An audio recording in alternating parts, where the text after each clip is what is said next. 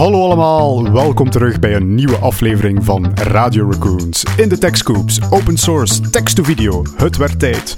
Musk met opmerkingen uit de oertijd, maar zijn raket die de verwachtingen overschrijdt. En Microsoft wil Copilot eenheid. De deep dive is de OpenAI machtsstrijd en eindigen doen we met een glazen bol en watercooler show-off, zoals altijd. Hallo allemaal en welkom terug bij Radio Raccoons. Um, er is ongelooflijk veel gebeurd in het techlandschap. En de grootste gaan we even mee wachten. Want um, de hele saga rond Sam Altman gaan we behandelen in de deep dive. Want er is natuurlijk ook wel iets anders gebeurd in het techlandschap enkele techscoops die wij hebben verzameld voor jullie deze week. En we gaan meteen van start met de eerste. Dat is Stable Video Diffusion. Stable Diffusion komt misschien bekend, klinkt misschien bekend in de oren, want dat bestaat al even. Het is eigenlijk een open source variant van Midjourney, of ja, een, een gelijkaardig um, model als Midjourney of DALL-E. Mhm. Het gaat dus afbeeldingen genereren. En Stable Video Diffusion gaat een stapje verder, want daar ga je text-to-video of image-to-video van hoge kwaliteit kunnen genereren. Dus eigenlijk video's kunnen genereren.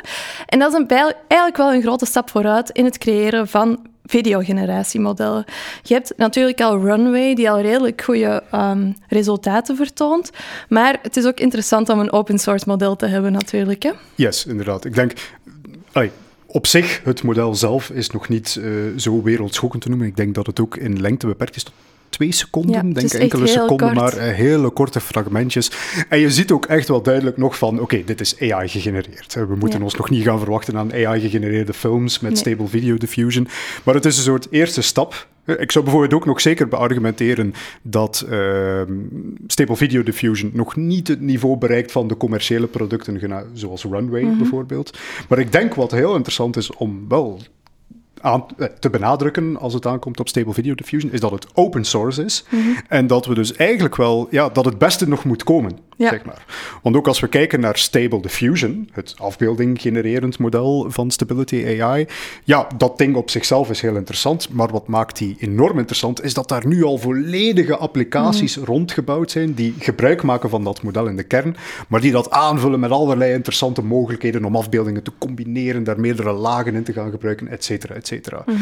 Die extreem snelle ontwikkeling kan alleen maar in de open source wereld, zeg maar. Dus dat, dat is dan de grote hoop van Stable Video Diffusion, is dat het een soort nieuwe basiscomponent wordt voor eigenlijk een heel landschap aan applicaties die ervan gebruik maken. En dat is bij Runway natuurlijk niet, want die hebben hun development team en enkel die mensen kunnen daarop werken. Ja. Waar bij open source juist eigenlijk iedereen in de technologie community die er iets van kent of er iets aan wil doen, ermee kan werken en het beter kan maken, toch? Ja, en inderdaad ook uh, de features die dan ontwikkeld worden, zijn de features waar dat een developer zegt van ik wil die zodanig graag dat ik eraan zal mhm. werken een feature in een commercieel product is eerder van er zijn genoeg klanten die er geld voor gaan betalen en erom vragen, dus we gaan het ontwikkelen. dus dat leidt eigenlijk tot een soort ander ontwikkelingstraject. En wat zien we uiteindelijk ook wel natuurlijk, is dat er een soort kruisbestuiving is. Die, die, die open source projecten willen zeg maar de kwaliteit van die commerciële projecten nastreven. Maar anderzijds zien we ook wel dat heel veel features die gebouwd worden eerst in de open source wereld, we hebben dat zeker gezien met Stable Diffusion, dat die nadien ook handig overgenomen worden in die uh, closed source pakketten. Mhm. Dus het is wel een interessante interplay tussen die twee. Ze hebben alle twee hun waarde, maar ja, zeer positieve ontwikkeling naar mijn mening in het algemeen. Ja, absoluut, want video is toch wel iets wat zo het moeilijk bleef. En nog altijd is, hè, want de resultaten... Allez, ik vind het wel cool dat het kan, maar het is nog altijd heel beperkt natuurlijk. Hè. Um, maar ik zou zeggen, je kunt er zelf ook wel eens mee gaan experimenteren. Ik zal de link in de show notes zetten en dan kan je het zelf zien. Ja, inderdaad, inderdaad. Op naar het volgende nieuws dan. Het, is een beetje omgekeerd wereld hè, vandaag, Daphne. Jij begint over de AI-modellen en nu begin ik met uh, jouw traditioneel segment, de Elon Musk-update. Uh, het is intussen een vaste waarde geworden in onze podcast. Uh, ik, ik zal beginnen met het, ja, het meest Elon Musk-nieuws die we te vertellen hebben. Elon Musk zit alweer in de problemen. Oh. Of X zit in de problemen door Elon Musk. Dat is een meer accuraat statement. min of meer, ja, er zijn een hoop adver grote adverteerders die het platform verlaten. hebben al meer dan 75 miljoen aan uh, advertentieinkomsten die zo verdwijnen, waaronder Warner Brothers mhm. bijvoorbeeld. Toch wel hele grote bedrijven. En de aanleiding daarvoor is, ja, Elon Musk heeft zich weer een beetje laten gaan op X, uh, voornamelijk Twitter, kort samengevat, wat heeft hem gedaan? Er was een tweet van ja, nou, een, een heel twijfelachtige bron, zeg maar, mhm. van een van die rechtse Twitter-accounts die momenteel bestaan, die had geclaimd dat eigenlijk, ja, um, was het nu weer, dat de Joden verantwoordelijk waren om de wereld tegen blanke mensen op te zetten. Daar, daar kwam het op neer. En wat heeft Elon Musk dan gedaan? Uh, die heeft dat geretweet of gereact, ik weet niet wat dat de nieuwe terminologie is oh, eigenlijk, en gezegd van, dit is de waarheid. Uh, Wacht, en dat was geen hacker of zo, die Elon Musk? Dat was geen hacker. Elon Musk uh, is daarmee in de problemen gekomen, nu ook met de Anti-Defamation League, dus eigenlijk ja, een beetje de, de, het Centrum tegen Racisme of zoiets, zoals we dat hier hebben, die hem daarvoor al aangeklaagd heeft. En daar is hem dus ook al op Twitter voor vertrokken om die mensen een beetje door het uh, roet te halen. Dat die ja, ook mede verantwoordelijk zijn voor alles wat er veroorzaakt wordt. Dus tegelijkertijd heeft hij ook al claims uitgestuurd van ja, maar ik ben wel niet antisemitisch. Eh, ik ben uh, voor alle volkeren. Ja. ja de Waarom zou je dan zoiets retweeten? Ja, ik weet soms niet welke oh. pillen dat Elon Musk gepakt heeft voordat ja. hem zijn gsm vastpakt. Maar kijk, ja, dat is dus weer ehm, een spijtig hoofdstuk in het eeuwigdurende verhaal rond Elon Musk. Dat terzijde, uh, denk ik dat er ook wel positief nieuws te vertellen was we mogen natuurlijk niet alles attribueren. Dat is nu rechtstreeks te attribueren aan Elon Musk. Maar anderzijds heeft hem ook een bedrijf opgericht genaamd SpaceX. Mhm. En SpaceX wordt natuurlijk nog vaak gelinkt aan Elon Musk, maar heeft ook wel zijn eigen zaken. SpaceX heeft natuurlijk wel een heel belangrijke milestone doorlopen in, het mhm. in de afgelopen week. Ik was heel tevreden, want uh, dus ze hebben de eerste echte lancering van Starship voltooid. Uh, weliswaar niet 100% succesvol, maar was ergens naar de verwachtingen. Ik was heel tevreden, want ze hadden de lancering uitgesteld. Ik was vergeten kijken en op een moment dat ik mijn YouTube live video openzet, was het nog 30 seconden aftellen ah, en dan heb ik hem kunnen uh, de lucht in zien gaan. Dus opnieuw Starship, het, het ja, grootste, uh, de grootste raket eigenlijk in de menselijke mhm. geschiedenis, waar Elon Musk nu aan het werken is. Uh, grote hoop daarvoor dat die raket ons naar Mars zal brengen op een, op een soort sustainable manier, uh, dat we daar heel veel mensen naartoe kunnen gaan sturen.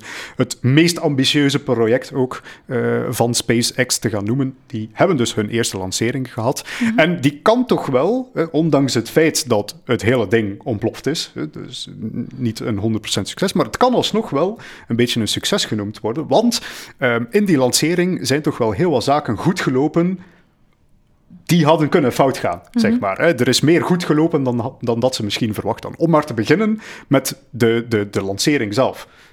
Die eerste trap, de Super Heavy Booster, mhm. die maakt gebruik van tientallen raketmotoren. Dus mensen die misschien de, de, de afbeeldingen zouden gezien hebben van de onderkant van de raket, ziet er heel mooi uit, al die raketmotoren die uh, hun werk aan het doen zijn. Mhm. Ehm, ja, dat is daarvan was het vermoeden van, is het überhaupt mogelijk om zoveel raketten aan te steken zonder dat er eentje uitvalt, zonder dat daar ergens problemen worden veroorzaakt. Dus dat is allemaal heel goed gelopen. Eh, hele, hele mooie afbeeldingen ook. Je ziet mooi de Mach-cones, heet dat dan. de, de, ik ga er niet te diep op ingaan, uh, niet te veel space nerd stuff. Uh, maar, maar hele, hele gigantisch mooie afbeeldingen die eruit voortgekomen zijn. Dus dat is heel goed gelopen. Het enige wat wel nog voor problemen, problemen veroorzaakt heeft, is ook weer zo een, een speciaal hersenkronkel van Elon Musk geweest, genaamd het hot stagen. Uh, dus min of meer, wat is er op een gegeven moment gebeurd? Raketten bestaan uit meerdere trappen, ja. dus waarbij dat eentje het werk doet, afgeworpen wordt en dan is het aan de volgende mm -hmm. raket om verder te brengen. Um, meestal, wat doen normale raketten, die gaan eigenlijk, ja, één trap van de raket is klaar, de motoren vallen eventjes stil, alles wordt mooi van elkaar losgekoppeld en dan is het tijd voor de volgende trap om in gang te schieten en eigenlijk weer verder te gaan. Ja. Nu, kort samengevat, wat is daar de technologische uitdaging die daarmee mhm. gepaard gaat. Op dat moment is uw raket niet meer aan het versnellen. Dus uw raket zweeft eigenlijk een beetje gewichtloos hè, eh, in de lucht, is niet meer aan het, aan het duwen vooruit. Maar het probleem daarbij is dat alle brandstof die in de brandstoftanks aanwezig is, dus niet meer naar onder gedrukt wordt. Ja. Dus niet meer beschikbaar is voor de raketmotor. En dat zorgt heel vaak voor problemen dat die raketmotoren dan gewoon niet kunnen opgestart worden. Wat is het idee dat de Russen destijds in de jaren 60 en 70 succesvol hebben toegepast? We steken gewoon de raketmotor al aan, terwijl dat de vorige nog aan het branden is. Maar dat is natuurlijk wel een heel geschift idee, want, want die raketmotor die gaat eigenlijk ja, zijn ding doen op de vorige raket. Dus je moet al ergens, het is ook de bedoeling dat die eerste trap van die raket terug gaat gaan landen. Dus dat hij dat ook gaat overleven. Ah ja, dat je het uh, kunt hergebruiken. Dat je het kunt hergebruiken. Maar die moet dus wel degelijk overleven het feit dat er vlak boven zijn hoofd een raket aangestoken wordt Ook wetende dat heel die raket zelf één grote bom is die op elk moment kan exploderen. Die heeft dat overleefd. Wow. Dat is op zich al een goede prestatie, maar die is daar blij, blijkbaar toch wat beschadigd geraakt, waardoor mm. dat de trap dus de controle verloren is en uiteindelijk gedesintegreerd is. Ja. Ik dacht, het is gedaan. Ik zag die explosie. Ik dacht, het hele ding is, is de lucht ingegaan. Maar wat bleek? Hè? Starship bleek dat dus uitstekend overleefd te hebben en kon gewoon verder vliegen. Ik dacht van, oké, totaal geslaagde missie. Mhm kleine, het was, het was een emotionele rollercoaster, moet ik wel zeggen. Ik was, ik was aan het meeleven, echt wel. Maar op een gegeven moment, wat bleek dan? Dat Starship zelf ook met een bepaalde deviatie, een afwijking zat tegenover het opgestelde vluchtplan. Ja. En op dat moment is eigenlijk automatisch de explosieven die zij aan boord geplaatst hebben in gang geschoten om het apparaat te vernietigen, zodanig dat hij niet per ongeluk ergens boven Afrika uit de lucht zou vallen en daar uh, voor een hoop doden zou gaan zorgen. Dus dat was gepland op het moment dat er iets van deviatie, dat er iets misgaat, we laten het gewoon ontploffen om te vermijden dat dat voor problemen zorgt. Ja. Dus, eindbalans. De raket is verloren gegaan. Jammer, geen totaal succes. Maar de vooruitgang die geboekt is, is wel substantieel te noemen. En het past ook natuurlijk in die filosofie van Elon Musk. Hè. Het mhm. is die Starship die concurreert een beetje met het SLS van NASA, een, een traditionele overheidsgebouwde raket. Die is zeven jaar lang in ontwikkeling geweest en heeft nu één keer succesvol gevlogen. Mm Elon Musk, SpaceX, pakt het anders aan. Die zijn meer overtuigd van de iteratieve aanpak. Mhm. We proberen het, we gaan het geen jarenlang testen. We proberen het, we sturen het de lucht in en we zien wat er fout gaat en dat fixen we dan. Dus in dat opzicht kan het eigenlijk echt wel een beetje een succes zijn. Het is wel herkenbaar, hè? die iteratieve approach. Dat is ook iets dat wij doen bij, bij softwareontwikkeling. Agile dus- versus waterfall. Sommige mensen zullen het wel degelijk kennen. Waterfall. Natuurlijk, als je mensen in ruimteraketten de lucht instuurt, dan heb je liever dat soort uh, laat ons alles proberen goed doen van de mhm. eerste keer uh, aanpak. Maar voor ja, onbemande raketten is het des te interessant. En als hij het budget heeft om dat te doen, ja, hij heeft het budget, inderdaad. En hij heeft dus ook al geclaimd dat er tegen kerstmis okay. blijkbaar al een nieuwe. Een nieuwe raket zou in de lucht gaan. Dat is snel. Wait and see. Elon Musk maakt altijd heel uh, optimistische ja, Dat de, maar... de vorige was toch ook zo gezegd over een paar weken. En nu, ja, uiteindelijk is dat wel een paar maanden. Ja. Of kan mezelf niet meer herinneren wanneer dat, dat juist was, de vorige lancering. De eerst mogelijke datum zal dus een kerst, uh, kerstmis zijn, maar uh, verwacht ons nog misschien aan een aantal uitstellingen. Oké, bedankt voor de uitleg. Je bent er heel enthousiast over, David. Ik, ja, het is, het is toch wel een beetje de toekomst van ruimtevaart. Hè? Er, is, er is een grote hoop. Hè? Er zijn heel wat zaken. We hebben het onlangs ook eens gehad over uh, de plannen van Starlink, om mm -hmm. dan gsm-communicatie um, ook mogelijk te maken. Wel, die plannen van Starlink die zijn geënt op het feit dat de Starship binnenkort ook operationeel komt. Ja. Uh, ook ruimtetelescopen, een ander nieuwsartikel die ik heb zien passeren, daar zijn nu eigenlijk, ja, willen ze zich bewust maken van het feit van, hey, als we nu ruimtetelescopen ontwerpen, weet dan dat we veel meer ruimte hebben dan we vroeger hadden in die raketten. Ah, dus ruimtetelescopen, we kunnen ze nu al groter beginnen ontwerpen, wetende dat we die met Elon Musk zijn raket de lucht in gaan kunnen sturen. Ja. Dus dat steunt wel op ja, het feit dat steunt dat ooit... heel veel op het feit dat dat succesvol kan worden. Dus ondanks het feit dat de persoon Elon Musk een beetje controversieel is, blijf ik nog steeds ja. 100% nummer 1 van, van wat SpaceX gaat realiseren. Ja, ze zijn goed bezig, zou ik zeggen. Ik heb nog een klein tekstkoopje. Um, en dat is dat Bing Chat gerebrand wordt naar Microsoft Copilot. En dat mag misschien wel een beetje verwarrend zijn, want het is al de zesde Copilot die ze hebben aangekondigd tot nu toe. In maart van dit jaar, en probeer te volgen, hebben ze Microsoft Dynamics 365 Copilot aangekondigd, Copilot in Windows, Microsoft Security Copilot en Microsoft 365 Copilot. Dus dat waren de, de Copilots die, dat, die dat, dat ze al hadden. En ze hebben er nu dus nog eentje. Um, misschien dat ze nog een rebranding uh, of ja, een branding copilot kunnen uh, lanceren die ons helpt om de juiste copilot te vinden. Um, maar volgens Microsoft doen ze het om niet te verwarren, maar juist om te uniten. Ze willen één copilot die mensen helpt met alles in hun woorden. Soon there will be a copilot for everyone and for everything you do. Kijk, en zo blijven de marketingbedrijven ook uh, hun job behouden. Het ene moment zeggen we dan van nee, we moeten al die initiatieven gaan bundelen in één, groot, uh, één grote marketingparaplu. Uh, en dan eens dat mensen beginnen verward geraken van wacht, er zijn hier kun je producten ja. met een verschil. We moeten een duidelijke brandidentiteit maken voor elk van die afzonderlijke producten. En zo gaat de eeuwige ja. cyclus dan maar door. Dus ja, ja, Copilot, ik denk dat er gewoon op neerkomt dat het iets gaat zijn, AI, allez, AI gebaseerd gaat zijn in een programma dat jou gaat helpen. Ja. En het is allemaal Copilot dus. Ja, als je een AI-assistent ergens verwacht, dan zal het ja. Copilot noemen. Als het van Microsoft is. Als het van Microsoft is, wel. Dus ja. Oké.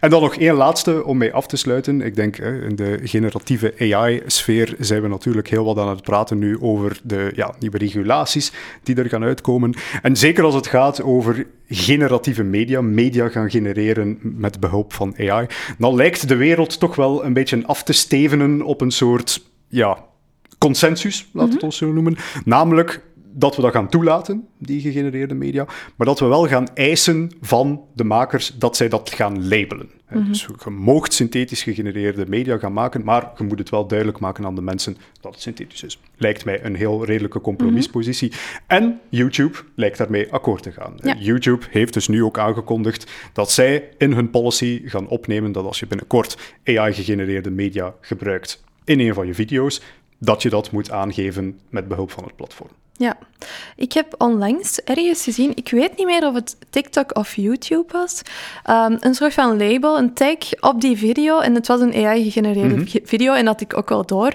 Maar er was ook effectief een tag die zei, deze video is AI-gegenereerd. En dat was de eerste keer dat ik dat echt zag. op, op iets dat ik gewoon zelf consumeerde. En dat vond ik wel, wel echt zat. Ik weet dus gewoon niet meer of dat het op TikTok of YouTube was. Als het op TikTok was, zou ik het ook wel zot vinden. Want ik heb daar nog niet echt iets van zien verschijnen dat zij eraan mee zouden doen. Uh, of toch niet dat ik me kan herinneren. Maar ja, ik kan het alleen maar toe, toejuichen. Hè, want daar zitten ook heel jonge kinderen op. Um, die misschien niet direct zien zoals ik van ah, dit is AI gegenereerd. En dan kan zo'n tag wel helpen. En op de duur gaan we dan natuurlijk weer in discussies terechtkomen van waar ligt de grens. Hè? Als je nu een iets wat geavanceerdere functie van Photoshop gebruikt om je gezicht een beetje te filteren en digitaal make-up uh, te plakken, is dat dan, mm moet je daar dan een waarschuwing op plakken? Ja. Goed, discussies zullen Stel, onze podcast, um, ik weet niet meer welke aflevering het was, maar zo die intro die wij, ja. uh, die voice clone van u, ja. um, zou je daar dan dat bij moeten zetten van, ah, dat was AI gegenereerd, of was het voldoende dat wij dat dan nog hebben aangehaald in de video? Uiteindelijk, allee, we hebben het niet onder de radar gedaan, zal ik maar zeggen, dus... Maar het is toch wel een, een gedachte-experiment. Ja, inderdaad. Ja. inderdaad. Alright, en nu, nu gaan we over naar iets waar ik al anderhalve week echt super hard naar uitkeek. En ik kreeg ook echt berichten van mensen van hey, dit gaat u toch wel bespreken op de podcast. En ik, ga, ik kan niet meer wachten, David. Ja, het heeft geen haar gescheeld of het was een breaking, uh, breaking episode geworden. Echt, ik had bijna gestuurd naar David van kom, we nemen gewoon deze week op in plaats van volgende week. Maar ik ben eigenlijk blij dat, we, gewacht hebben. Ja, inderdaad. En dat we een hele overview kunnen doen. En kunnen speculeren. Kom, we gaan eraan beginnen. Over naar de deep dive, zou ik zeggen. Oké, we gaan eraan beginnen.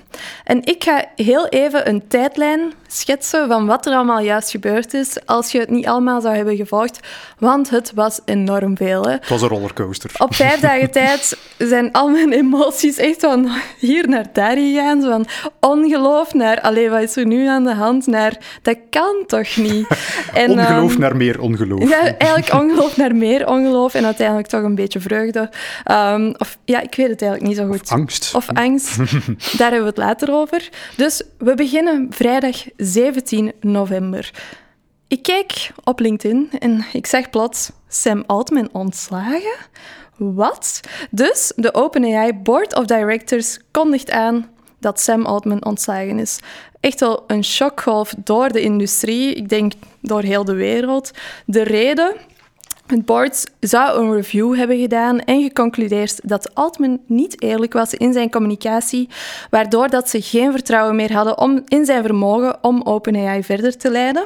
Dat was hun reden. De reden volgens speculaties dat er een mismatch zou zijn tussen Altmans for-profit mentaliteit en dat de board eerder een non-profit mentaliteit heeft. En dat Ilya Sutskever, ik kan zijn naam niet uitspreken, sorry, um, ja, dat die bezorgdheden zou geuit hebben aan de board en dat zij zich hebben aangesloten bij zijn mening. Dus Mira Murata, de CTO van OpenAI, zou Sam Altman ad interim vervangen. Daartegenover zou uh, president Greg Brockman, naar aanleiding van het nieuws, ook ontslag nemen en met hem ook zeer veel mensen van OpenAI die ontslag zouden nemen. Dus echt wel een schokgolf door het bedrijf, want heel weinig mensen waren ook op, op de hoogte van wat er ging komen. Dan, zaterdag 18 november, investeerders zijn niet blij. En de board moet plooien, want ze contacteren Altman terug om terug te komen. Hij krijgt enorm veel steun van medewerkers van OpenAI. En Altman en Brockman zeggen van oké, we willen wel terugkomen, maar eerst moet de board ontslagen worden of hun ontslag aanbieden. Dan gebeurt er even niks. Zondag 19 november post Altman een foto van hem met zo'n gast-badge uh, van OpenAI. En hij zegt, het is de eerste en de laatste keer dat ik deze zal dragen. Dus er zijn onderhandelingen geweest. Maar toch valt precies alles uit elkaar, want OpenAI kondigt aan dat voormalige Twitch-CEO Emmett Shear aan boord zou komen als vervanger van Sam. Dus het leek even gedaan te zijn. Tot natuurlijk maandag 20 november. Microsoft kondigt aan dat Altman en Brockman uh, aangenomen zijn bij hun om een nieuw AI research team te leiden. Microsoft zegt wel van oké, we hebben dat gedaan, maar we gaan ons partnership met OpenAI wel verder zetten. Um, daarnaast zijn er honderden mensen, ik denk 90% van de engineers van OpenAI, die ontslag willen nemen. Dus Sutskever, die initieel bij de board aan de alarmbel is gaan trekken, zet een postje op X en zegt in, in mijn eigen woorden even, dat hij spijt heeft van wat hij heeft gedaan en dat hij het allemaal wilt oplossen. Dus wat gebeurt er? Hij brengt een petitie aan die door honderden van OpenAI's medewerkers wordt ondertekend dat de board hun ontslag moet indienen. Dinsdag 21 november, Sam is terug, joepie! um, met een volledige nieuwe board of, of, directors, dus de oude hebben allemaal hun ontslag ingediend. Nieuwe zijn aangenomen. Alles is terug wat het ervoor was, vijf dagen ervoor, en er is niks gebeurd, zo gezegd. Maar op donderdag 23 november krijg ik een berichtje van David. en hij gaat iets meer uitleggen.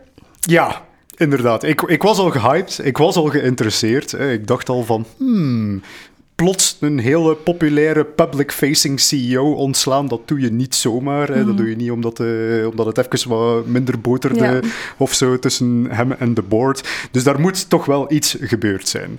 En dus dan ook, ja, zondag inderdaad, kwam dan plots het nieuws uit van Ilya Suchkewar, die heeft iets gezien.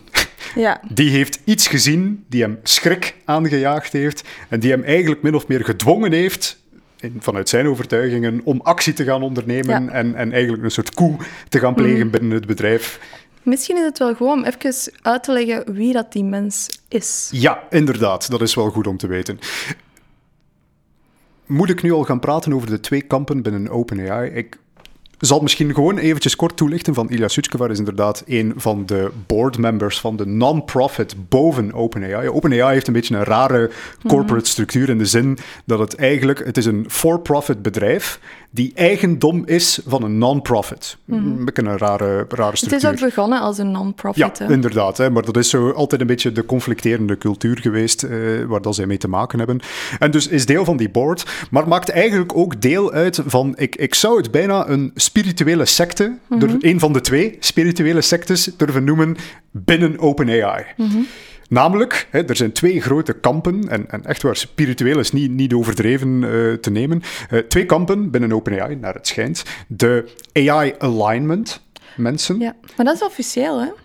Want dat is een team dat ze naar buiten Ja, inderdaad, inderdaad. Maar dus de, de, de bijna allez, spirituele dimensie die eraan vasthangt, dat is eerder zo in de ja, marges dat je daarover leest, dat dat blijkbaar echt wel ja, iets, iets uh, cult-like begint te worden.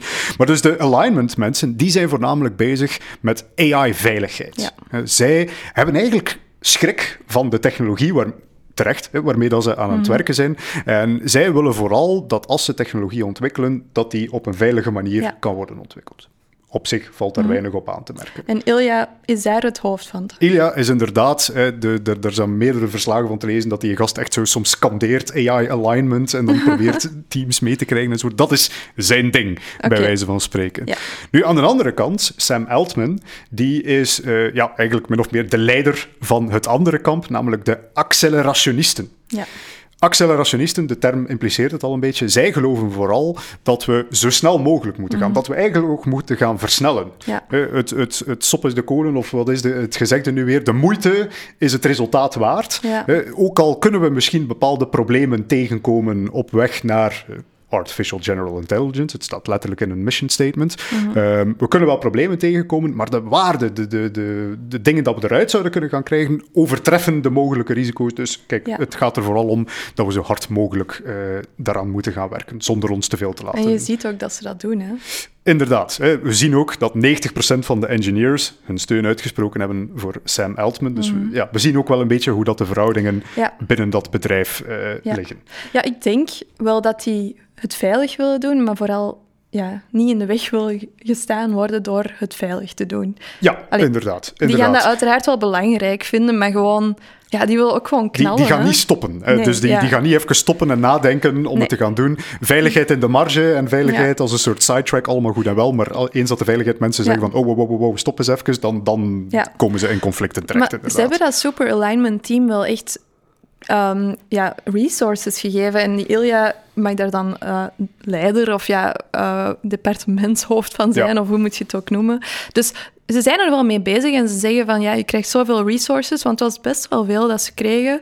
Um, maar ja, die beslissing heeft Sam even. Um, ja, inderdaad. Ik, ik, het is ook een beetje een bredere trend van um, het is, ze krijgen veel resources zolang dat het convenient is. Ja. We hebben hetzelfde gezien bij Google, denk ik, die een team rond AI alignment heeft uh, mm-hmm. opgeheven. Ja, op het moment dat het een obstakel begint te worden en dat de race er recht op dus- aankomt van wie is er het snelste op de markt, ja. Het is zo wat greenwashing-achtig, heb ik het gevoel. Ja, inderdaad, zo van, We zijn ermee bezig hoor. Kijk hoeveel resources dat we erin steken. Maar eens dat het zo hinderend wordt van... Ja, zolang dat het geen blocking factor is, zijn we er allemaal fan van. Maar eens uh, dat ze ja, eigenlijk hun werk beginnen doen, dan wordt het uh, een pak minder convenient. Maar goed, maar goed dus uh, we hebben de, de acteurs geïntroduceerd van ons toneelstuk.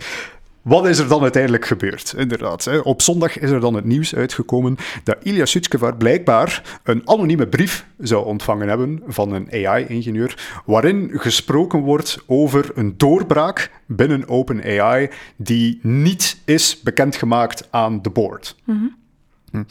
Die doorbraak zou we zijn, we zijn dieper en dieper in het geruchtendal aan het afdalen voor de duidelijkheid, zou de naam Q-Star hebben. En voor de rest is er eigenlijk niets over geweten. Nu, nu bevinden we ons nog in de traditionele journalistiek. Dit is wat je op de websites vindt, bij wijze van spreken, en waar dat mensen over gaan spreken.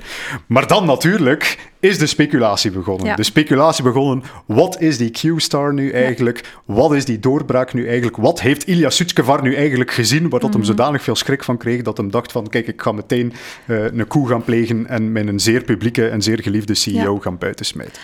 En waar rook is, is vuur, Inderdaad. Hè. Dus los van alle speculaties die ik nu ook met jullie ga delen, hè, ergens moet er waarschijnlijk wel iets mhm. zijn hè, die, die voor uh, actie heeft gezorgd.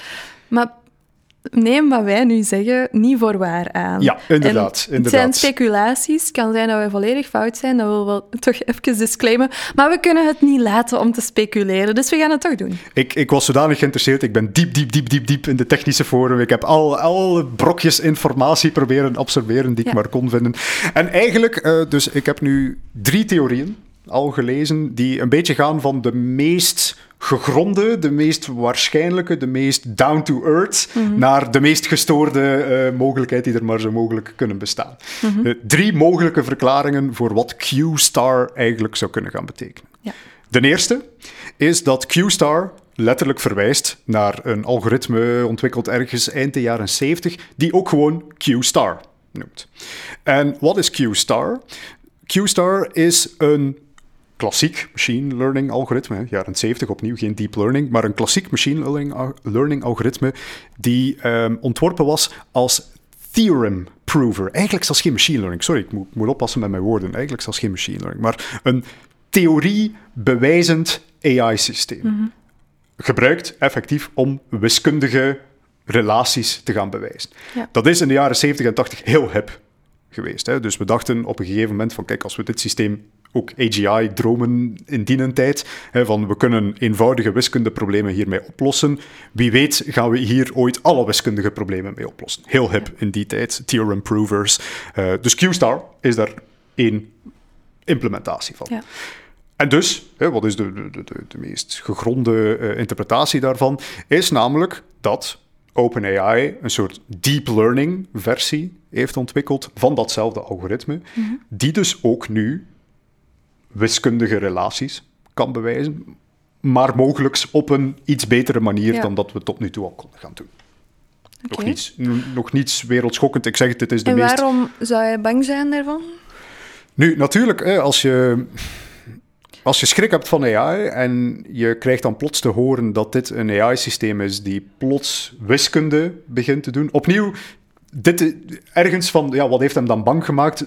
In dit scenario is het waarschijnlijk een, misschien een overreactie, zou ik durven zeggen. Want in de jaren 70 kon dat ding ook al wiskundige relaties ja. bewijzen. Of misschien was hem gewoon boos van, je hebt dat niet gezegd. Dat, Inderdaad. Dat is de meest logische. los van boos, de, de man heeft effectief de wettelijke plicht, de fiduciary duty heet mhm. dat dan, als CEO, om te werken voor de board. Die, die is letterlijk wettelijk verplicht om alles wat zij doen te disclosen aan de board en daar niets van te verzwijgen. Dus dat is, dat is het misschien zelfs gewoon geweest. Gewoon een, een soort uh, ego-wedstrijdje van je moest dat gezegd hebben en je hebt dat niet gezegd. Pas op, waar zijn jij mee bezig? Uh, en ik ben al een beetje wantrouwig, et cetera, et cetera. En nu op naar de leuke. En nu, nu, nu, nu gaan we steeds, steeds meer uh, in de dromensfeer in. De tweede mogelijke uitleg is dat Q-star verwijst naar Q-learning. Mm Q-learning. Ik weet niet waarom dat we zo zot zijn van de letter Q in de AI-wereld. Maar goed, uh, verwijst ook weer naar een ander AI-algoritme. Maar een AI-algoritme die nog een pak interessanter zou kunnen zijn. Want Q-learning is een van de meest bekende machine learning methoden voor um, reinforcement learning kort samengevat, eh, reinforcement learning, wat is dat? Dat is min of meer dat je, zeg maar, ja, ik moet, ik moet nu oppassen met technisch, dat je een agent creëert. Dat je, dat, je, mhm. die AI is soort, ja, je maakt er bijna een personage van. En dat personage heeft beschikking over bepaalde acties. Die kan bepaalde dingen gaan doen. En nadien gaat hij eigenlijk volledig zelfstandig gaan evalueren hoe goed heb ik mijn taak gedaan. Ah, ja, okay. Mensen kunnen, als ze, ik denk gewoon in hun browser een keer gaan zoeken, Q-Learning Online Demo. Uh, staat er een online demo die je gewoon in je browser kan runnen van een, um, eigenlijk, ja, zo'n AI-systeem die leert Pacman spelen. En wat doet hij gewoon? In het begin niets en verliest hij meteen. Eh, de volgende keer gaat hij misschien één bolletje opeten, heeft hem score 100 behaald. En zo leert zo'n systeem eigenlijk puur door naar die score te kijken om zijn eigen gedrag te gaan verbeteren. Nu, wat is daar zo interessant aan? Waarom, waarom, eh, dit, is, dit is de meest gelezen theorie trouwens, die ik al uh, ben tegengekomen, de, de meest populaire theorie die ik al mhm. ben tegengekomen op het internet. Waarom is dat zo interessant? Wel, stel u voor dat OpenAI inderdaad een zelflerend taalsysteem heeft gemaakt. Ik vergelijk het dan altijd met de, de ChatGPT van vandaag. ChatGPT is getraind met enorme hoeveelheden menselijke data, maar is ook beperkt door die menselijke data. Die bootst eigenlijk na wat hij geleerd heeft op het internet. Pas op, nabootsen is een, is een gevaarlijk woord om te mhm. gebruiken. Maar die, die gaat eigenlijk repliceren wat daarin is gestopt qua data. Daartegenover staat bijvoorbeeld een systeem bijvoorbeeld van Google, AlphaGo, AlphaGo Zero om specifiek te zijn. En AlphaGo Zero die is supermenselijk in het spelen van het bordspel Go. Mhm. Niet door te leren van mensen, maar door tegen zichzelf te spelen. En eigenlijk iteratief te gaan verbeteren. En daardoor is die ook niet beperkt door het menselijke plafond. Hè. Die is zich daar zelfs niet bewust van. Die kan daar gewoon gerust gaan doorbreken. Gewoon simpelweg door zichzelf te gaan verbeteren. Wat zou er dan dus gebeurd zijn? Dit is een zelflerend AI-systeem. Het komt altijd terug op wiskunde trouwens. Ergens zou dat AI-systeem iets met wiskunde hebben gedaan. Maar dan zou dat AI-systeem simpelweg door tegen zichzelf te praten. Vraag me niet hoe dat het er in de praktijk uitziet, want ik kan mhm. het mij zo wat moeilijk voorstellen. Zou die tot een zodanig taalniveau gekomen zijn dat die vraagstukken, middelbare vraagstukken uit het middelbaar, ehm, kan oplossen zonder ooit iets van wiskunde of zonder ooit iets van vraagstukken gezien te hebben. Mhm, mhm. ChatGPT kan ook vraagstukken oplossen, maar dat kan die alleen maar door te leren van duizenden vraagstukken en een beetje logische interferentie te doen. Hè. 2 x 2 is meestal 4 en als daar nu een 3 staat, 3 x 3 is dan 9. Door, door daar op een soort low-level manier op te gaan reageren. Dus ook dat, hè, daar, daar zou ik meer begrip al krijgen voor Ilya Sutskevar. Dat is inderdaad een AI-systeem die nog nooit wiskunde heeft gezien en daar plots kundig in begint te mhm, worden. Mhm. nog, niet, nog niet op een supermenselijk niveau, maar ja, dat is dan inderdaad wel de vraag van, oh, en als we hier verder mee gaan, waar is de grens? Mhm. Gaan we daarmee plots de wiskundebarrière doorbreken en allerlei zotte dingen gaan doen? Wat zou er ja. Ja, ik snap zijn bezorgdheid daar wel. Zo. Allee, bij het vorige vroeg ik van waarom zou hem bang zijn, maar bij deze heb ik zoiets van ja, dat snap ik. Zelflerende systemen, hè, want, want waar hebben die mensen natuurlijk schrik van? Superintelligentie, we hebben er al mhm. eens over gesproken. Zelflerende systemen zijn het pad naar superintelligentie. Hè? Want, want opnieuw, van menselijke data zijn beperkt door mensen. Mhm. Met zelflerende systemen zou je er eigenlijk los voorbij kunnen gaan. Dus dat is echt wel, ja, dat, dat is het ding waar ze schrik van hebben. Een systeem die zichzelf aanleert en dan gewoon de hoogte ingaat. Uh, wat is supermenselijk taalvermogen zelfs? Zou die tegen een mens kunnen praten, die weet dat hij met een AI praat? Jij zei op voorhand, ik ga die een AI niet vrijlaten, ik ga die niet, wat dat er ook gebeurt. En door tegen u te praten, zijt jij overtuigd. Hè? Stel je voor dat dat op een supermenselijke manier kan, wat dat jij ook gelooft, als dat ding tegen u praat, je bent overtuigd of zo. Ik kan dus- me ook niet voorstellen wat een supermenselijk taalgebruik zou zijn, want taal is zo inherent menselijk. Allee, ja, als je daarover begint na te denken, dan begint het. Hè? Ja, vergelijk het overtuigend vermogen van, van misschien hè, de, de gemiddelde IT'er hier, die niet gewend is van veel te praten, met eh, een ervaren spreker die dat charismatisch en met eh, heel goed gestructureerde punten kan brengen. En trek die lijn nog verder. Wat is dat uiteindelijk? Hè? Wat, waar gaan we dan uiteindelijk tegenkomen? Dus dat was de tweede. Dat was de tweede, de meest gelezen theorie. Ik zeg, de eerste heeft al wat meer kans. had ik ook al wel tegengekomen. Ja, ja, deze, deze is alleszins het meest populair. Uh, is zo een goede mix tussen angstaanjagend en toch nog realistisch. Dat, dat is misschien ook een kwaliteit van goed fake news, dat het geloofwaardig overkomt en dat mensen het gaan geloven. Maar goed, uh, het is wel een interessante theorie te noemen. De derde theorie, en nu, nu, nu, gaan we helemaal in La La Land uh, gaan vliegen natuurlijk is dat Q-star zou verwijzen naar, ik denk zelfs mijn favoriet woord in de Nederlandse taal. Ja, ja. Wacht, krabificatie? Geen krabificatie, maar qualia. Nog nooit van jou. Het is een heerlijk woord, qualia. Qualia is een filosofische term die verwijst naar het feit dat wij dingen ervaren. Wij zien niet alleen, maar wij, wij voelen ook dat we aan het zien zijn. Hè. We denken daarover na, we hebben zelfbewustzijn. Qualia en zelfbewustzijn die zijn met elkaar verbonden. Het feit dat wij niet alleen reageren op visuele stimuli, maar dat we daar ook bij stilstaan, op reflecteren, ja, dat, dat is wel ons onderscheid als mens van een dier. Ja. Dieren kunnen ook qualia ervaren, maar wij kunnen niet weten wat dat precies is. Dat is zo het moeilijke probleem van zelfbewustzijn, heet dat dan in filosofische termen. Uh, maar ja, qualia, uh, net zozeer het feit dat we, als wij iets proeven, hè, dan, dan komen er allemaal atomen op onze tong terecht en die doen een of andere interactie met, met, met onze tong. Maar op een of andere manier wordt dat dan vertaald naar het feit dat wij kip smaken, mhm. bijvoorbeeld. Of, of eitjes of wortelen of whatever. Mhm. Dat gevoel kunt je niet beschrijven in wiskunde, zeg maar. Dat is echt de kern van zelfbewustzijn. De kern van wat het is om een levend wezen te zijn. Mhm. Dus daar hè, is dan zo, ja, de, de meeste wilde theorie inderdaad van dit is een zelfbewust systeem. En dan heb ik in dezelfde, ja, iets wat losgeslagen tekst gelezen dat dit systeem uh, dan een encryptieprobleem zou hebben opgelost. Dit, dit komt nu toch, dit, dit is al apart opgepikt en komt nu in aparte rumors terug, dat hij een encryptie scheme zou gebroken hebben op een manier dat we niet begrijpen. Ja. Dus dit is, dit is echt zo het scenario waarvan dat je denkt van, staat je in die man, Ilya Sutskevar, zijn schoenen en je ziet dat plots van, oh, dat ding begint hier encrypties te breken op manieren die ons verstand te boven gaat. Eh, dat is, dat is het meest zotte scenario. En dat is dan nog anders dan de black box bij AI dan? Dat we het niet begrijpen.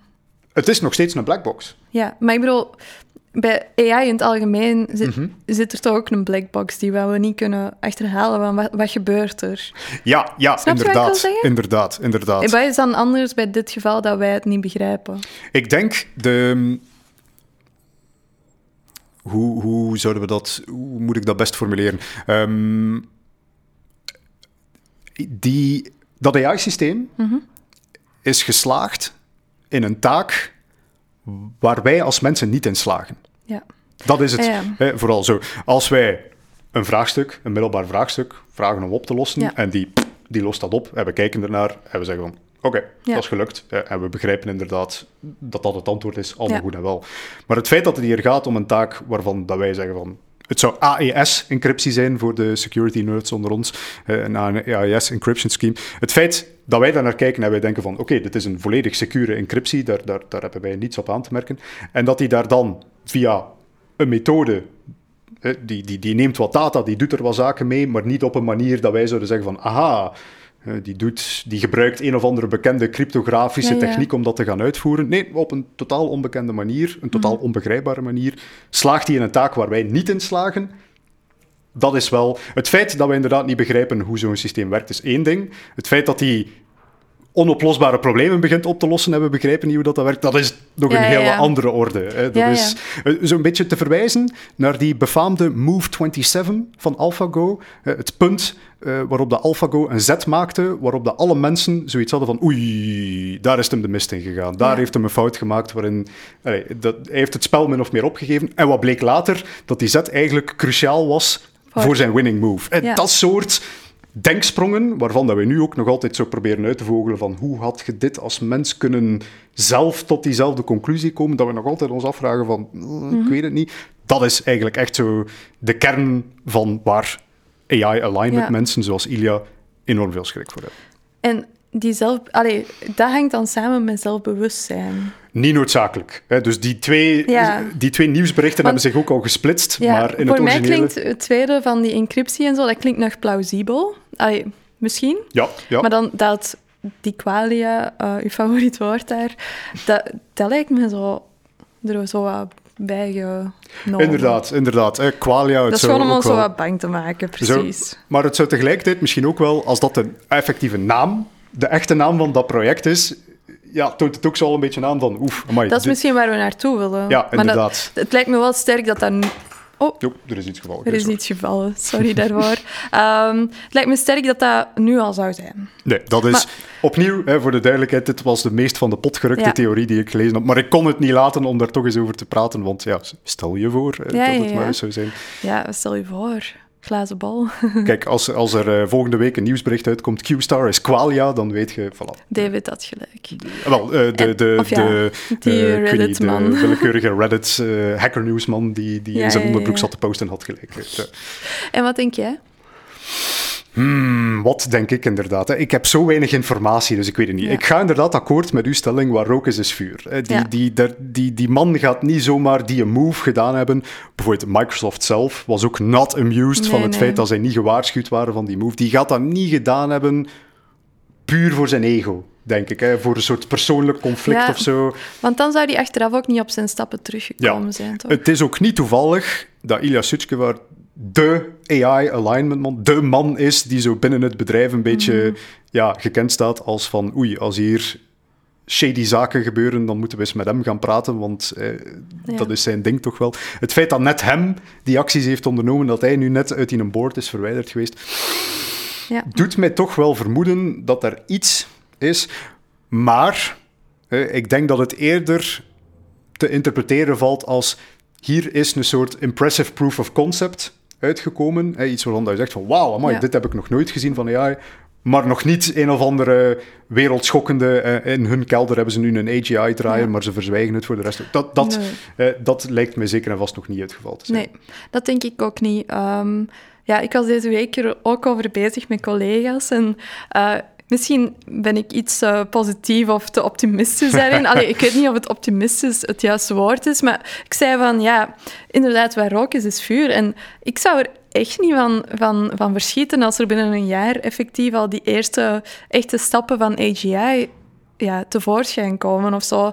Ik, ik denk echt dat die de eerste stap hebben gezet, effectief. Ik weet niet met welke van de drie van uw stellingen.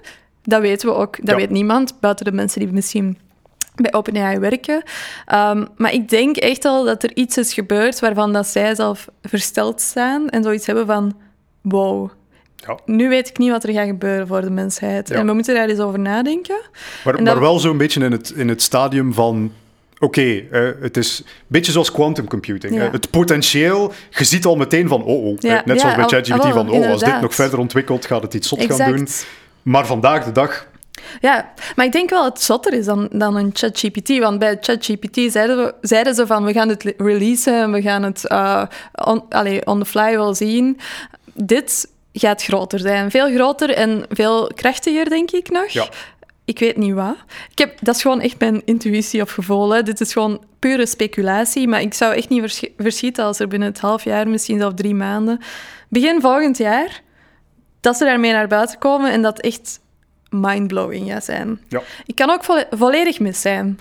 Nu, ik denk ook trouwens, los van de speculatie, los van uh, het effectieve werk waar OpenAI mee bezig is, ergens ook wel een soort ja, conclusie of iets dat we moeten overhouden na heel deze discussie is nu wel van Sam Altman is terug. Ja, hij heeft gewonnen. Hè? En hij heeft zijn zuivering doorgevoerd, zeg maar, van het bedrijf. De, de mensen die op de rem gaan staan, die zijn weg. Die zijn weg nu bij OpenAI. Dus dat is op zich ook wel, hè, los van alle speculatie, misschien het ding die we moeten onthouden hier. Van wow, oké, ja. er zijn alweer een paar vangrails verwijderd, zeg maar, bij OpenAI. Mm Kan goed zijn. Hè. Ik denk dat, dat de tijdlijn misschien wat ingekort kan worden nu. Maar anderzijds, de risico's, een soort uh, AI doomclock, moest dat bestaan, denk ik, zou misschien wel een beetje kunnen bewegen nu. Als het op 10% stond, staat het nu wel op de helft, denk ik hoor. Ja. Allee, bij mij toch. Ja. ja, ik vind het ook allemaal zo zot. Allee, dat dat, dat dat kan gebeuren. Gewoon heel, heel die saga op vijf dagen. Dat dat op letterlijk op het wereldtoneel is gebeurd. En dat die man nu gewoon op dezelfde stoel zit als ervoor. Ja. En het ding is, wat ik nog frappanter vind, is niemand praat daar nog over. Allee, heb ik het gevoel, hè? misschien ben ik in een, in een bubbel waar dan niemand erover praat, maar gaat het nieuws overal. Het stond vol. En de voorbije drie dagen heb ik daar eigenlijk niks echt meer over gezien. Allee, hier en daar die Q-star-speculaties, maar dat was ook niet overal. Op de grote nieuwspapers uh, of zo heb ik dat zeker niet tegengekomen. En dan denk ik van dat is even gebeurd en mensen gaan dat vergeten. Of, ik, ik, ik, denk als buitenstaander ook is het gemakkelijk om te concluderen van alles is terug naar normaal nu. Maar dat is niet zo. ja, inderdaad. Hè. Dus zijn wel maar, oeh, het is even moeilijk geweest, maar oké, hij is weer terug en de plooien zijn gladgestreken. Ja. Nee. er is een schisma geweest en, en een van de twee heeft het gehaald en de rest is buiten gebonjourd. Dus ja, daar zijn toch wel ontwikkelingen geweest en ik ben er redelijk zeker van dat we daar nog veel meer van gaan horen. Ja, ik denk het ook. Het gaat ja, ik denk de komende maanden gaan wel verduidelijking geven, hoop ik. Hoop ik. Uh, we zullen het zien. Ik vind het angstaanjagend, maar ook wel een beetje exciting of zo. Uh, om, allee, ja, stel je voor, er komt nog iets zotter als ChatGPT. Dat gaat de mensheid, onze wereld toch veranderen. ChatGPT heeft ons leven al veranderd. Allee, ja. van mij toch. Wat, wat is het volgende? er zijn zo twee scenario's. Hè. Komen ze met AGI af, iets met een menselijk niveau, maar met de veelzijdigheid van een mens. En dan, dan kijken we zo naar jobs en dan zou je dat mhm. eigenlijk overal kunnen gaan implanteren, waar dat nu mensen werken op een heel, heel, heel flexibele manier. Of we gaan naar een soort superintelligence toe, misschien niet van een soort zelfbewust alleskunnend systeem, maar op zo van die gebieden die heel belangrijk zijn. Wetenschap, wiskunde. Als we daar superintelligentie zouden kunnen gaan bouwen, al was het maar voor die ene taak, kan heel goed wiskunde, maar gaan nieuwe veters gaan knopen, bij wijze van spreken, dan ook daar mhm. is de wereld totaal veranderd vanaf nu. Dus het kan een beetje aan alle kanten uitgaan. Ik vind het vooral spannend om te zien van welke flavor gaan we krijgen. Wordt het iets heel dystopisch? Eh, krijgen we Terminator? Of komt OpenAI plots uit met een nieuwe batterij uh, die hernieuwbare energie triviaal maakt en, en waarmee dat we nu allemaal een betere nieuwe toekomst tegemoet gaan. Het kan alle kanten uit. We zullen zien. Ja. ja, ik vond het wel een leuke deep dive om te doen. Ik kijk er echt naar uit. Ehm, ja, voor de toekomst valt misschien nog iets over te zeggen, want die gaan we bespreken over twee weken op de bar. Er zijn nog vijf plaatsen beschikbaar. Dus je kunt die nog inschrijven. Ja, ik moet altijd een marketing uh, push doen. Hè. David, je kent mij. Als je wilt komen naar de eerste live sessie van Radio Raccoons en we gaan het effectief hebben over de toekomst hè, en speculaties. En dit was misschien een tipje van de sluier, maar we gaan uiteraard nog veel meer bespreken dan, dan Sam Altman en uh, perikelen. Uh, dan kunt je je inschrijven via thebar.raccoons.be. Maar ik zal het ook wel in de show notes zetten. Um, snel zijn is de boodschap, want het is bijna uitverkocht. Dus... Ja, je gaat er zeker niet alleen zijn. Ons kantoor nee. zit bijna vol. Ja, inderdaad. Het is echt 100 mensen is een max. Er zijn 95 mensen ingeschreven. Ik weet zelf niet of wij 100 mensen zouden kunnen laten zitten, maar pak dat er een paar no-shows zullen zijn. En anders... Ja, stapelen we, ze wel of zo. Ja, we vinden wel een oplossing. um, komt goed. Maar goed, merci voor de deep dive. Ik vond dit echt de allerleukste deep dive tot nu toe. Ik kan er niet aan doen. Kijk, actueel, AI, uh, ja. existentiële angsten, ja. het heeft alles. Ja, zo juicy gewoon. maar goed, we zullen nog eens... Ja, want we hebben net eigenlijk al een beetje in de glazen bol gekeken, maar we gaan toch nog in de officiële glazen bol gaan kijken, hè David? Yes. Oké, dan is het tijd voor de glazenbol. Daphne, deze keer het wordt een beetje een speciale. Uh, ik weet niet of dat je mijn glazenbol deze keer zo serieus moet nemen als alle andere. Uh, maar het is een keer uh, een gewaagde voorspelling. En als het dan uiteindelijk toch nog uitkomt, dan kan ik zeggen van kijk, ik, heb het, ik, ik was er als eerste bij. Okay. Ik heb mij laten inspireren door het nieuws. Elon Musk raketten. Ik dacht, oeh, wat, wat, gaat dat nog geven in de toekomst? Uh, Elon Musk, die zo steeds meer een beetje de, de, de villainrol begint op te nemen tegenover vroeger, waarbij dat hem toch vooral nog de, de heel geliefde biljonair was. miljardair, sorry. Uh, maar, wat is mijn voorspelling? Ergens in de komende 10 à 20 jaar gaat Elon Musk full-on supervillain-modus gaan. Als in, Elon Musk heeft nu een hoop satellieten daar hebben we mm vorige keer nog over gesproken, denk ik. Hoop satellieten de lucht in hangen. En wat moet je bijvoorbeeld weten bij ja, ruimtesatellieten, is dat er eigenlijk altijd een risico bestaat dat als daar ruimtepuin zou ontstaan, stel maar bij een botsing of zo mm van, van die raketten, dat dat ruimtepuin vervolgens gaat botsen met andere satellieten en eigenlijk ja, een soort irreversibele hoeveelheid ruimtepuin kan veroorzaken, waardoor dat we effectief zelfs niet meer zouden kunnen gaan lanceren. Dat er zodanig veel puin in de ruimte zit dat, dat onze raketten zelfs de ruimte niet meer ingeraken. Zoiets heet trouwens het Kessler-syndroom. En dat is effectief een heel reële angst van ruimtebedrijven dat dit zou kunnen gaan voorgaan. Mhm. Ik voorspel dat Elon Musk op X zeker in de komende 10, 20 jaar minstens één keer gaat dreigen om zijn satellietennetwerk op te blazen en zo een wereldwijd Kessler-syndroom te veroorzaken, waardoor dat, we, waardoor dat eigenlijk niemand nog de ruimte in kan. Oké, dat is wel echt een bold statement. Ja.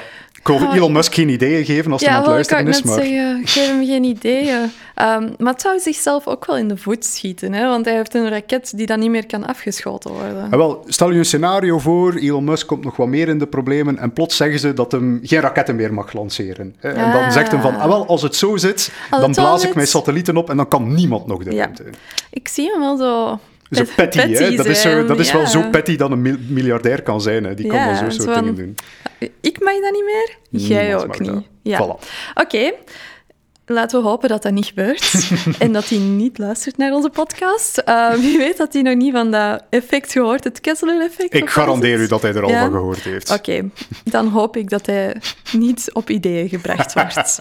maar goed, merci David voor uw glazen bal.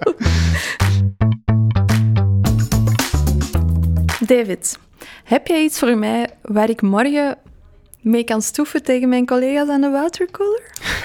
ik denk, ik heb een uh, uitdaging deze keer in plaats van een weetje voor jou, Daphne, met, met een klein weetje die eraan gekoppeld is, geen zorgen. Okay. Maar uh, de uitdaging is deze eigenlijk, heel simpel, ik heb er niets voor nodig. Uh, probeer met uw ogen hm, op een vloeiende manier van links naar rechts te kijken, zonder uw hoofd te bewegen. Oké, okay. ik ga het even doen voor de mensen die niet kijken. Ja. Ik, ik kan dat wel, denk ik. Ja, je hebt daarbij waarschijnlijk het gevoel dat je dus een, op een soort heel vloeiende manier van links naar rechts kunt gaan, maar dat is wel degelijk een illusie. Uh, dus een, een goed testje voor de mensen om thuis te doen, is dat is te doen met een selfie-camera mhm. en dan even zelf in hun ogen te kijken en te zien wat er gebeurt. Want wat gaan zij merken, dat is namelijk dat uw ogen, in plaats van vloeiend van links naar rechts te bewegen, eigenlijk in schokken bewegen. Dat die eerst naar links kijken, dan centraal kijken en dan eigenlijk naar rechts kijken, misschien nog met een tussenstapje ertussen. Oké. Uw ogen op een vloeiende manier bewegen is niet iets dat mensen zomaar kunnen. Daarentegen, gebruik je vinger en focus op je vinger en volg je vinger van links naar rechts. Hmm. Dan gaan uw ogen dat wel kunnen. Waarom komt dat trouwens? Wel, dat komt eigenlijk omdat uw ogen maar twee soorten bewegingen hebben. Twee soorten manieren van kijken hebben. De ene heet in het Engels smooth pursuit. En dat is min of meer ja, waar dat onze ogen als, als ja, jagers destijds ook effectief voor getraind zijn. Dat is om op een hele vloeiende manier bewegende doelen te gaan volgen. Mhm. dus zolang dat je een punt hebt om op te focussen, kunnen je ogen perfect op vloeiende manieren daarnaar gaan kijken. Daarentegen, als je geen focuspunt hebt, dan is het net belangrijk dat je ogen stilstaan en focussen op een bepaald object in plaats van te bewegen, want dan krijg je eigenlijk een vloe zicht. Mhm, mhm. Daarom bewegen uw ogen dus onder normale omstandigheden in wat we noemen, ik ga het hier nu eventjes ook aflezen, saccadische bewegingen. Dus plotse, jittery mhm. bewegingen van de ene locatie naar de andere. Ook al denk jij misschien van, ik verplaats mijn ogen van de ene punt naar het andere. Uw ogen doen dat eigenlijk zo snel mogelijk mhm. om te vermijden dat zij in dat tussenstadium terechtkomen waarin dat beelden eigenlijk een beetje uitgesmeerd uw brein binnenkomen. Dus Oké, nu ga ik heel de tijd naar mensen hun ogen kijken. Ik ben al heel de tijd diep in uw ogen aan het kijken, David, sinds dat. Het, het, kan een soort datingtruc zijn ook, hè? Ja, voilà. Zo kijken ze in mijn ogen. Oké, okay. uh, de, de, nerdy uitleg over saccadische oogbewegingen zou ik er dan niet bij vertellen, maar kijk. Nee, het is wel een leuk weetje. Oké, okay. alright, merci kan ik weer uh, gaan vertellen dan. Ja. En uh, ja, ik heb al mijn marketing push voor de bar gedaan, dus dat ga ik niet nog eens herhalen. Oké, een klein beetje. Als je wilt komen, uh, inschrijven kan via thebar.raccoons.be. En dan de usual um, afsluitende woorden. Volg ons, like ons, comment. Uh, wat is er nog? Register? Nee, wacht. Uh, subscribe. Subscriben. En... Liken, sharen en subscriben. Ja, uh... Ik ben echt super slecht daarin, David. Uh, ik kan er niet aan doen. Ook al ben ik een marketingmanager. die woorden komen niet. Maar goed. Alright, dan zit onze aflevering van Radio Raccoons alweer op. En de volgende is live. Ja, juist. Um, misschien nog een uh, kanttekening. Wij nemen die dus donderdagavond op. Normaal gezien komt de aflevering altijd vrijdagochtend um, online. Ik ga proberen om die vrijdag nog online te krijgen. Um, maar niet op het ja, gewoonlijke tijdstip. Dus als het in de namiddag of zo is, vergeef mij, ik moet het nog editen en zo. En onze live bloopers er misschien uithalen, die ongetwijfeld misschien wel gaan gebeuren. Of misschien is het wel leuk om ze erin te laten. Dat zullen we dan nog wel zien. Um, maar ik ga proberen om zo snel mogelijk de aflevering online te zetten. Um, maar misschien gewoon eens morgens. Oké. We zien wel. Alright. Tot dan. Tot dan.